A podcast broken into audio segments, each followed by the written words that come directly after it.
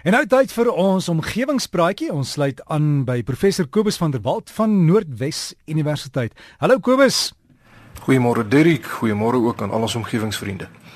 Vanoggend behandel ek graag 'n brief wat ek ontvang het van meneer Charles Graham van New Bethesda in die Groot Karoo. En hy sê die vreeslike klomp wonderlike metodes en nuwe tegnologieë wat aangewend kan word en moet word om die mens en die aarde se voortbestaan te verseker, is vir hom wonderlik. Maar hy sê hy is bevrees dat dit vir hom voorkom asof ons te laat geslaap het en dat 'n ekologiese ramp van ongekende omvang op die mens wag. Pogings wat nou en in die toekoms aangewend kan word om die gevolge van klimaatsverandering te te werk, is na sy mening 'n kwessie van te min wat te laat gedoen word. Hy sê dat klimaatsverandering 'n bedreiging is vir die ganse mensdom. Wetenskaplike navorsing dui op katastrofiese gevolge en geen pogings om koolstofvrystellings in die atmosfeer in die volgende paar dekades te verminder kan meer 'n verskil maak nie omdat die wêreld reeds die laaste omdraaipunt verbygesteek het ongeag enige teenmaatreëls wat nou ingestel mag word. Hy sê die mens is soos 'n intelligente virus wat moet saamleef met die verskriklike wete van sy gasheer se kwesbare sterflikheid. Hy sê wanneer 'n mens nou 'n virus kry, ontwikkel 'n mens gewoonlik 'n hoë koors en dis die liggaam self wat sy temperatuur dan nou verhoog om die virus te probeer doodmaak. En hy dink die aarde werk op dieselfde wyse. Globale verwarming is die koors, die mens is die virus en ons het nou die planeet siek gemaak en as die mens nie self die wêreldbevolking verminder nie, bly slegs twee uitkomste moontlik. Of die gasheer maak die virus dood of die virus maak die gasheer dood. Die resultaat is vir die virus in beide gevalle dieselfde. Die virus sterf. Met ander woorde die mens sal gaan uitsterf hier op aarde. En as ons nou as ons dit nie self doen nie, dan gaan die natuur dit vir ons doen. Hy sê ons kan bespiegel oor maniere waarop die mens self die aarde se bevolkingsgetalle drasties kan verminder. Maar hoe mense nou ook al daaroor dink, die moontlikhede is afgryslik en natuurlik uh onaanvaarbaar. Hy sê hy is 'n gebalanseerde mens en hy probeer met 'n positiewe ingesteldheid lewe en hy besef dat sy siening uiters negatief is, Maar nou vra hy is dit nie die naakte werklikheid nie en moet ons nie maar die feite in die oë kyk nie. En dan eindig meneer Graham sy brief met erkenning dat sy siening redelik ooreenstem met die tema van Dion Meyer se nuwe roman Koors, as ook die 2014 rolprent met die naam Kingsman: The Secret Service. Nou ja, baie dankie meneer Charles Graham van New Bethesda en ek stem met u saam in soverre dit die bevolkingsontploffing betref, want ek is op rekord dat ek die mens al vergelyk het met iets van 'n van 'n van 'n plaag wat onbeheerbaar net al hoe erger word op aarde.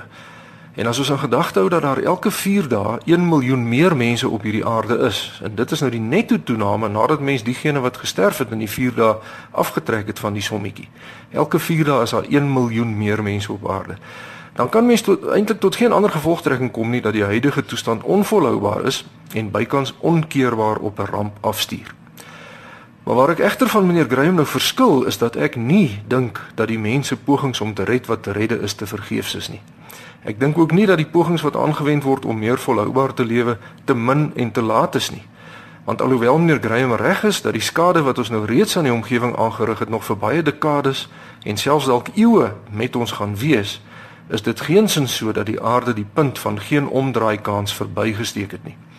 Ek kan miskien net gou verduidelik wat hierdie punt van geen omdraai beteken in die konteks van klimaatsverandering, want ek dink nie al ons omgewingsvriende is heeltemal op hoogte wat daarmee bedoel word nie. Nou as ons nou kyk na die kweekhuiseffek, dan weet ons dat gasse soos koolstofdioksied, metaan en stikstof uh st sekere stikstofverbindings warmte kan absorbeer en daardeur word die atmosfeer dan nou verwarm. Dat dit is 'n natuurlike proses en sonder hierdie proses sou lewe op aarde nie moontlik gewees het nie. Maar ons het nou hierdie proses versnel deur groot volumes van die kweekhuisgasse in die atmosfeer vry te laat met die gevolg dat die aarde besig is om warmer te word en dit is onbetwisbaar die wetenskaplike syfers is is baie duidelik wat dit betref. Nou die vrees is nou dat daar positiewe terugvoermeganismes is wat al hoe sterker gaan begin funksioneer en dat die stelsel dan heeltemal buite beheer kan raak sodat klimaatsverandering glad nie meer gestuit kan word nie. Dit gaan 'n weghol effek wees. En twee van hierdie positiewe terugvoermeganismes uh, is waterdamp. Dis die eerste een, waterdamp is self 'n kweekhuisgas en dan die tweede een is metaanhidraat wat nou diep in die see voorkom. Nou as ons eers kyk na waterdamp, dan weet ons die see is besig om warmer te word en so ook die atmosfeer. Nou warmer water en warmer lug sal lei tot meer verdamping van seewater en dan is daar meer waterdamp in die atmosfeer wat meer warmte kan absorbeer en dit veroorsaak dan nog warmer water en nog warmer lug wat op sy beurt weer tot meer verdamping lei en so versterk die meganisme homself die hele tyd totdat die mens dit dan nou nie meer kan keer nie. Die ander voorbeeld wat ek genoem het, metaanhidrate, dis 'n ding wat soos ys lyk, maar wat in wese gevriesde metaangas is wat diep in die see en ook in die permafrost van die aarde voorkom. Nou as dit nou warmer word, dan smelt die metaanhidraat sodat meer metaan in die atmosfeer vrygestel word en die meer metaan absorbeer nou meer warmte wat nog meer van die hidrate smelt en so versterk die meganisme homself ook dan nou die hele tyd.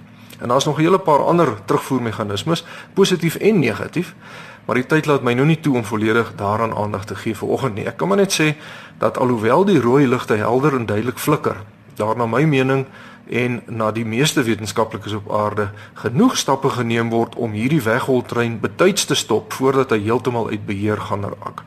'n Mens kan maar net kyk na die reusagtige groei in groen energiebronne reg oor die wêreld. Bykans alle lande van die wêreld wat verdrae sluit oor kweekhuisgasvrystellings en ook die gewone mens, dis nou ons gedragsverandering. Want wie van ons leef nog net so energievermorsend soos wat mense so 30 jaar terug geleef het? Ons hersirkuleer ons uh, afval, ons spaar brandstof, ons maak groentetuine, ons sit energiebesparende gloeilampies in, ons verf ons dakke wit, ons mors nie so met plastieksakke of plastiekbottels nie en ons spaar water. Ons huishoudelike apparate soos yskaste en die goed gebruik 'n fraksie van die elektrisiteit in vergelyking met die van 30 jaar gelede.